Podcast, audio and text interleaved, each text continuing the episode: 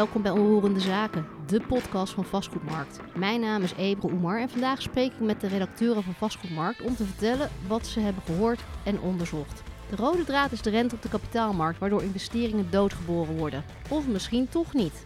Welkom, ik begin met Servaas van der Laan.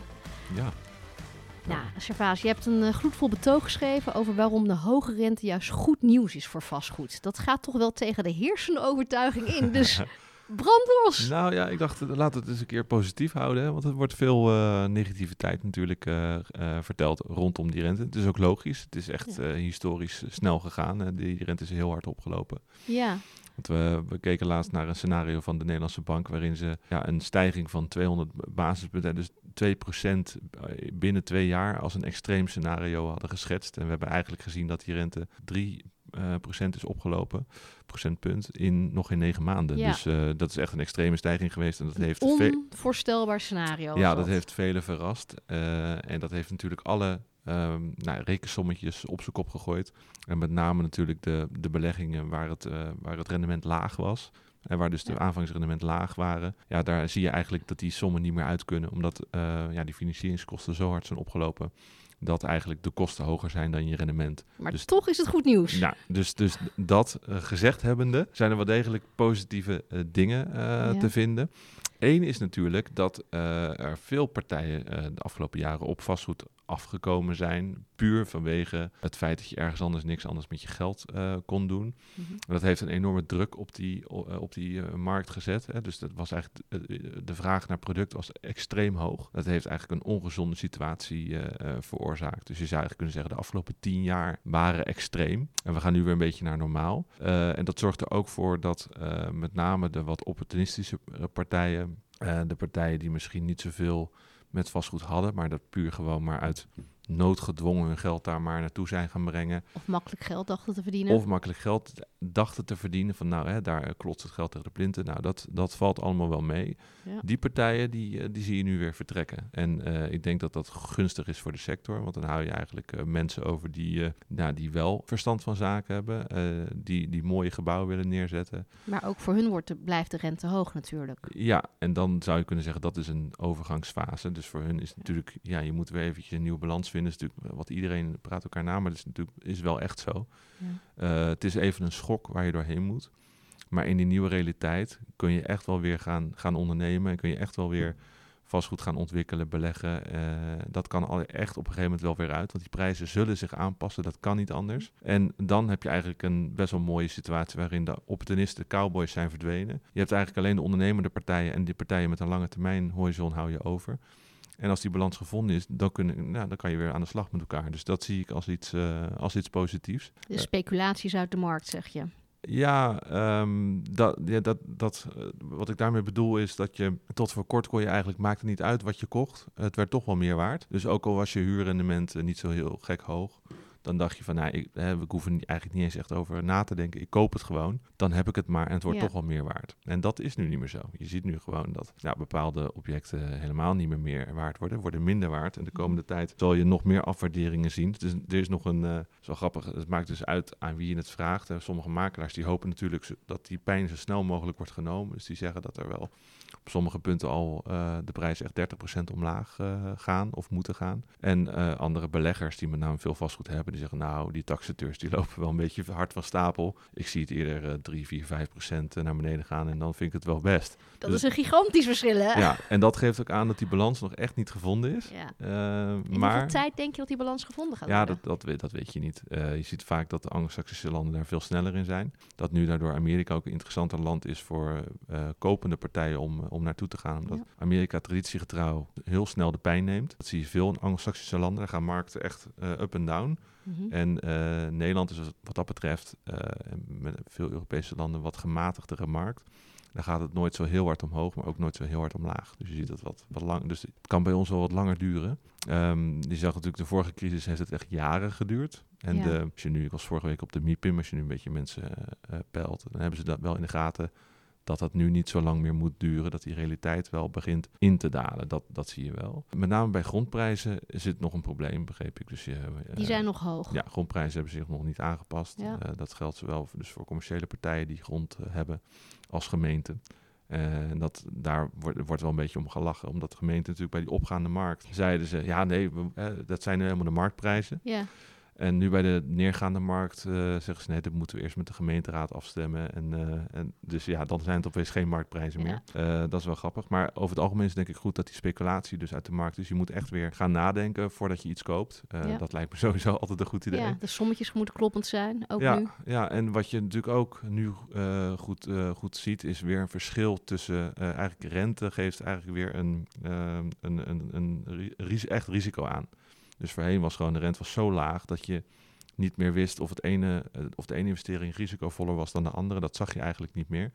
En nu zie je weer dat die bars, dus die brute aanvangsrendementen, echt uit elkaar gaan lopen Ja. voor projecten die echt veel meer risico hebben, zie je toch echt wat hogere bars dan, dan, eh, dan de lagere. En ja, dat lijkt me een hele gezonde ontwikkeling. Want ehm, ze zeiden wel eens, in logistiek vastgoed is natuurlijk zo'n eh, zo'n eh, eh, zo'n segment waar je echt hele lage bars had. Waar Mhm. alles een beetje tussen de 3 en 4 procent zat op een gegeven moment.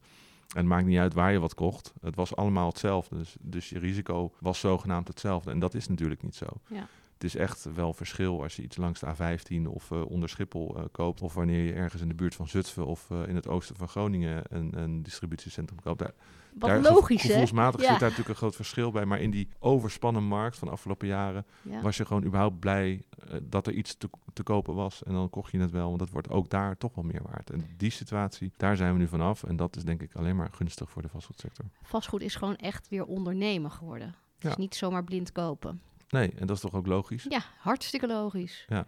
Het is niet voor iedereen, het is een vak. Nee, Ja, en dat is misschien ook de conclusie van dit verhaal. Vastgoed is gewoon een vak en daar gaan we weer naar terug. Ja, ja, en voor wie dit ook een vak is, is Roel van de Beeld. Wil ik nog even noemen. Die heb ik gesproken. Die heeft eh, bijna 30 jaar bij eh, FGH en eh, dus Rabo Real Estate gewerkt. Die neemt afscheid deze maand. En hij in zijn afscheidsinterview noemde hij nog wel eens iets opvallends, vond ik. Dat is namelijk dat hij een, een steeds grotere rol voor de banken ziet weggelegd. Nou, dat is eigenlijk dat is niet zo opvallend. Dat zie je ook wel gebeuren.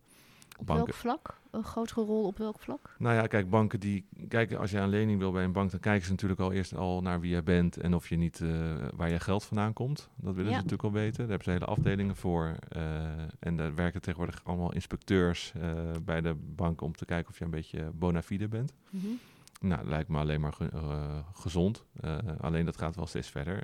Tegenwoordig kun je ook eigenlijk geen lening meer krijgen als je iets niet duurzaams eh, gaat doen. Zou je van kunnen zeggen dat is goed voor de planeet, maar eh, dat gaat al, begint al wat verder te gaan. Is de bank de aangewezen partij om daarop te letten? Nou ja, ook omdat, eh, hier op de redactie werd ook al gezegd, eh, er is niemand die, eh bankdirecteuren worden niet democratisch eh, gekozen. Ja. Dus dus wel, het zijn opvallende instanties om zoveel macht te geven. En de Roel eh, noemde daar nog iets, dat je eigenlijk, dat zegt hij denk ik uit goede bedoelingen, dat nu natuurlijk de huurmarkt wordt gereguleerd door Den Haag. Alleen dat, dat gebeurt vrij rigide. Maar Mhm. gewoon om te zeggen van nou, als je onder een bepaald punt zit, dan, dan, moet, je, dan moet je gewoon huur omlaag. Hij zegt dat werkt niet, eh, maar je zou wel ook aan banken kunnen vragen om portefeuilles. eh, kijk, als er iemand veel weet, dan is het de bank. Die ziet Hoort te weten, inderdaad, ja. ja, nou ja, hij zegt ik kan precies zien dat eh 40% van onze portefeuille is sociale huurwoningen die in het vrije segment worden verhuurd. Hij zegt Mhm. dat kunnen wij gewoon zien, dat zien we uit de data. Dat is natuurlijk niet eh, in orde. En hij zegt we kunnen ervoor kiezen om dat soort partijen niet meer te financieren. ja. Eh, dus dat je, eh, als jij je niet aan de regels houdt, dat je dan gewoon geen lening meer krijgt. Eh, en dat geldt natuurlijk ook voor, eh, voor middenhuur dan. Dat, dat hij zegt, nou ja, je zou kunnen denken aan dat wij een bepaalde benchmark hanteren waarin een huur moet liggen. Mhm. Wat wij een markthuur vinden. En ligt die huur er buiten, dan krijg je geen lening. Op zich niet zo heel raar, hè? want je leent geld bij de bank en de bank wil zijn risico ook afdekken. Dus dat Ja. ze dat soort plannetjes bedenken voor eigen gebruik is Ja. misschien niet heel raar. Nou, het is op zich ook wel opvallend, omdat een bank die wil natuurlijk gewoon kaststroom uiteindelijk. Ja. Maar in dit geval zeggen ze, jouw kaststroom moet eigenlijk omlaag. Dat is Ja. wel opvallend. En, en ze lenen je dan ook minder geld natuurlijk als kaststroom omlaag gaat. Ja, ja dus het, het is voor een bank best een opvallende Ja. eh, uitspraak, denk ik. Dat, je, dat een bank zegt, ja, ik zie dat je 3000 euro in de maand wil vragen, maar doe maar 2500. Ja, Want die 3000 is een beetje gek. En anders krijg je geen lening. Nou, dat is volgens mij nieuw. dat is zeker nieuw. Dankjewel, Ja, Servaas. graag gedaan. Sander, eigenlijk kun je alleen maar concluderen dat vastgoed een vak is. En jij hebt de financiers van buy-to-let hypotheken gesproken. En dat is natuurlijk ook een vak op zich.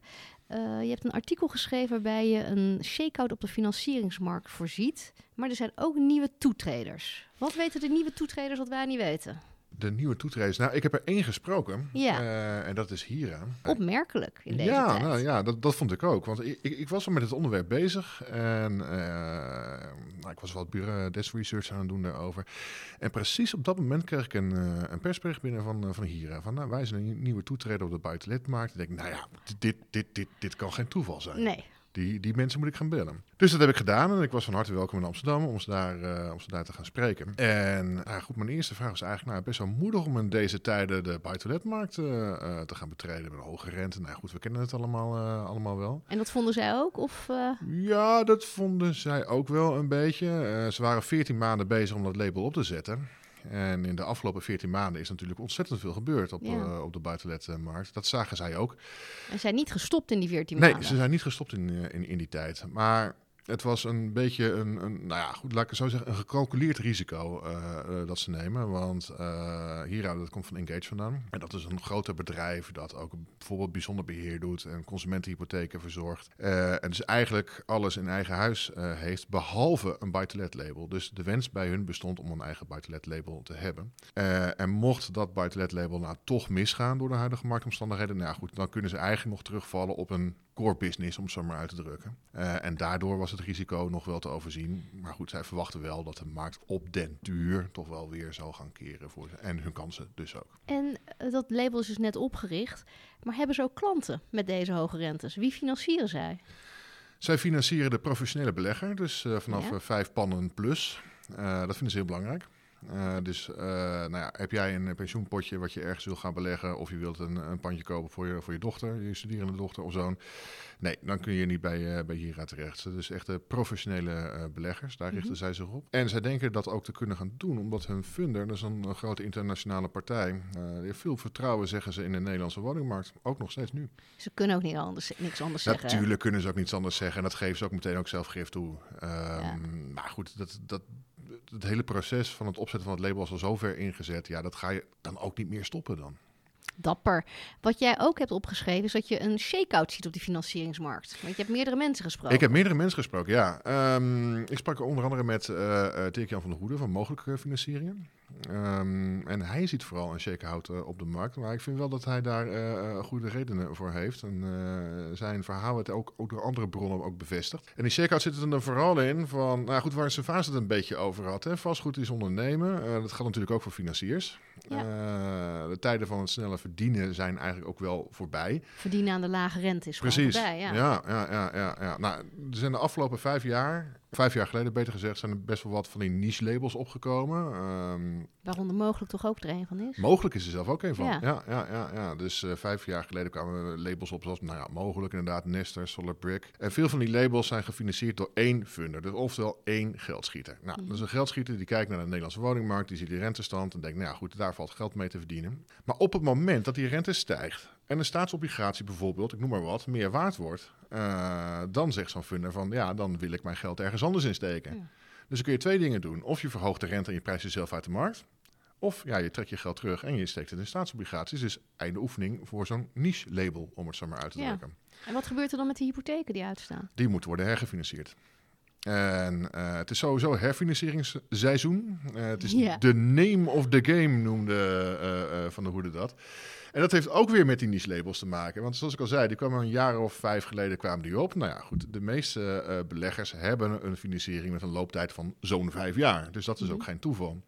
Dus als er een shake-out gaat ontstaan aan de financieringskant, ja, dat ga je dus, dat dus precies zien eh, eh, na die looptijd van vijf jaar. Hm. En de verhoogde rente natuurlijk. En als je het hebt over een shake- shake-out, zie je dan ook dat partijen bij elkaar gaan komen? Of gaan ze gewoon oplossen? Je wil de financieringspartijen. Ja. Ja, die gaan gewoon oplossen. Eh, dus die hoge rente is eigenlijk een bedreiging in jouw verhaal. In tegenstelling tot wat Servaas zegt. Het is een bedreiging voor een aantal niche-labels in die Ja. zin dat een aantal namen van de markt zullen gaan verdwijnen, ja. En zit daar nog een kans in voor de belegger? Nou ja, voor de belegger geldt eigenlijk een beetje hetzelfde als, eh, als voor de vastgoedfinanciers. Want op het moment dat jij, nou ja, goed, vijf jaar geleden met een grote stroom bent ingestapt, Ja. eh, dan zit je dus ook tegen een herfinancieringsronde aan te kijken. Ervan nogmaals, ervan uitgaande dat jij een looptijd hebt van vijf jaar. Nou ja, goed, dan heb je dus ook met een hoge rente te maken, met een middenhuurregulering die, uh, die staat te wachten. En dan kan het natuurlijk theoretisch zo zijn dat de waarde van jouw pand uh, lager is dan je financiering. En dan moet je gaan herfinancieren tegen een hogere rente. En als jij een, een grotere belegger bent, dus je hebt, nou ja, ik, ik noem maar wat, 50 panden. Mm -hmm. nou ja, dan kun je een paar panden die niet renderen tegen die rente bij die financiering, dat kun je misschien nog wel hebben. Maar ben jij een kleine belegger met, nou, laten we zeggen, tussen de 1 en de 5 panden, ja, dan wordt het toch echt een ander verhaal. Ja, nou, dan kun je gaan proberen uh, te gaan herfinancieren tegen een hogere rente. En vervolgens je huis boven de 187 WWS-punten te krijgen om toch nog in de vrije sector te vallen. Maar goed, dat zal lang niet iedereen ja. gaan lukken. Kortom, niet alleen een uh, shake-out bij die financiers, maar ook nog een shake-out bij de beleggers zometeen. Die kans zit er dik in. Dus, ja. uh, en dat betekent dus ook dat er aardig wat beleggers zullen zijn die dachten van, nou ja, weet je, ik zet mijn pensioengeld weg in een pandje, of ik heb te veel spaargeld, dan zet ik weg in een pandje. Ja, die tijd is een beetje voorbij. Ja. Wat, wat jij eigenlijk en Savaas ook net al zeiden, van ja, het is een vak. En als het niet jouw vak is en je doet het erbij, om het zo Ja. maar te drukken, dan kan het best een lastig verhaal worden, afhankelijk van wat voor pand je hebt natuurlijk. We gaan het zien. Je gaat het zien. Top, dankjewel. Dank je. Bij mij is aangeschoven Peter Hanf. Peter, je hebt onderzoek gedaan naar of de centrale banken de rente kunstmatig laag hebben gehouden. Je zou denken dat daar een eenduidig antwoord op te geven is, maar je hebt twee hoogleraren gesproken. Ja, Lex Hoogduin en Koen Teulings. Is de rente inderdaad kunstmatig laag gehouden? eh, als je het vraagt aan Lex Hoogduin, die zegt ja. Ja. En wat eh, Hoogduin daarbij aangeeft is eigenlijk heel simpel. Eh, periodes waarin de rente eh, wordt verlaagd of laag is, die eh, duren langer dan eh, periodes waarin de rente omhoog gaat en hoog wordt gehouden. Dus dan analyseer je gewoon 35 jaar rentebeleid en dan denk je van, normaal gesproken zou je verwachten dat als een rente een tijdje lang eh, laag is gehouden om eh, economische groei eh, kansen te geven, dat wanneer dat, die economische groei weer op gang komt, Mhm.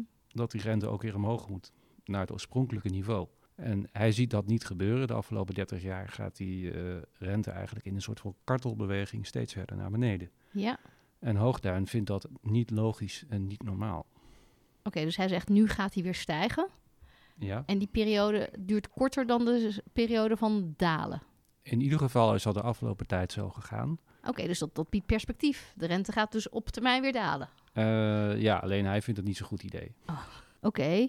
Eh, waarom is dat geen goed idee volgens hem? Ehm, omdat een te lage rente eh, onverstandige investeringen en beleggingen in gang zet.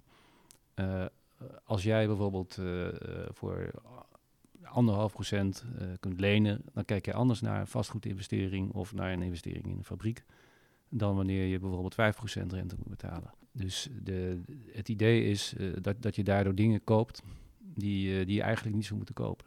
Ja, ik snap de redenering, maar als de rente laag is en je koopt dingen die je niet eh, zou willen kopen in een normale markt, kan je er ook geen bel aan vallen.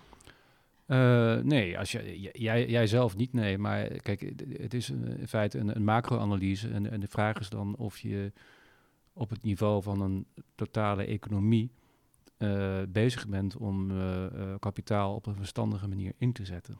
En wat zegt Hoogduin dan over een vastgoedcrash? Ehm, zegt hij niet rechtstreeks iets over, maar hij zegt wel iets, iets over crashes in het algemeen. Hij zegt eigenlijk dat, dat, dat iedere crash daar het, ja, het gevolg van is, van dat beleid. En dat er vervolgens mensen zeggen, ja, we hebben werkloosheid. Daar moeten we wat aan doen. En hij zegt eigenlijk eh, dat die werkloosheid het gevolg is van eh, die lage rente. Omdat dat slechte investeringen uitlokt. En dat als je vervolgens eh, redeneert van ja, we moeten de rente verlagen. om de, bijvoorbeeld de economie en de werkgelegenheid weer een impuls te geven. Dat je eigenlijk symptomen aan het bestrijden bent en alvast het probleem voor komende jaren aan het creëren. Daar staat Koen Teulings tegenover. Ja? Die zegt, er komt helemaal geen vastgoedcrash. Eh, nee, kijk, Koen Teulings die zegt gewoon van, nou, er is, er is zo ontzettend veel kapitaal in omloop. Er zijn allerlei redenen voor. Hij noemt daarbij een, eh, een generatie eh, mensen die, die op dit moment fijn, leuk en enthousiast aan het sparen zijn om leuke dingen te, te doen. Dus dat geld moet ergens heen. Hij noemt de, de grote tech-ondernemingen die van gekkigheid niet weten waar ze met hun geld moeten blijven. Hij noemt eh, een, een enorme eh, vraag naar, naar risicoloze beleggingen. Eh, Dat Dus- bestaat natuurlijk niet, risicoloze beleggingen. Nee, maar in, in, voor economen is dat bijvoorbeeld het, een, Duitse staatsobligatie. Voor, voordat de Duitse overheid over de kop gaat en zegt van nou joh, sorry hoor, het doet me leid, we gaan niet meer betalen. Nou, dan, dan moet er wel wat gebeurd zijn, zeg maar. Oké. Ehm, er zijn dus twee kampen. Ja. Het, eh, het pessimistische kamp en het optimistische kamp. Waar zou jij je geld op inzetten? Ehm, ik moest er even over nadenken en vooral het, eh, omdat, dan moet ik even een zijstapje maken, maar Ja. Centraal hierin staat eigenlijk de vraag eh, of, of je iets moet aantrekken over de, theo- van de theorie van de geldhoeveelheid. Dus Lex Hoogduin is van de geldhoeveelheid.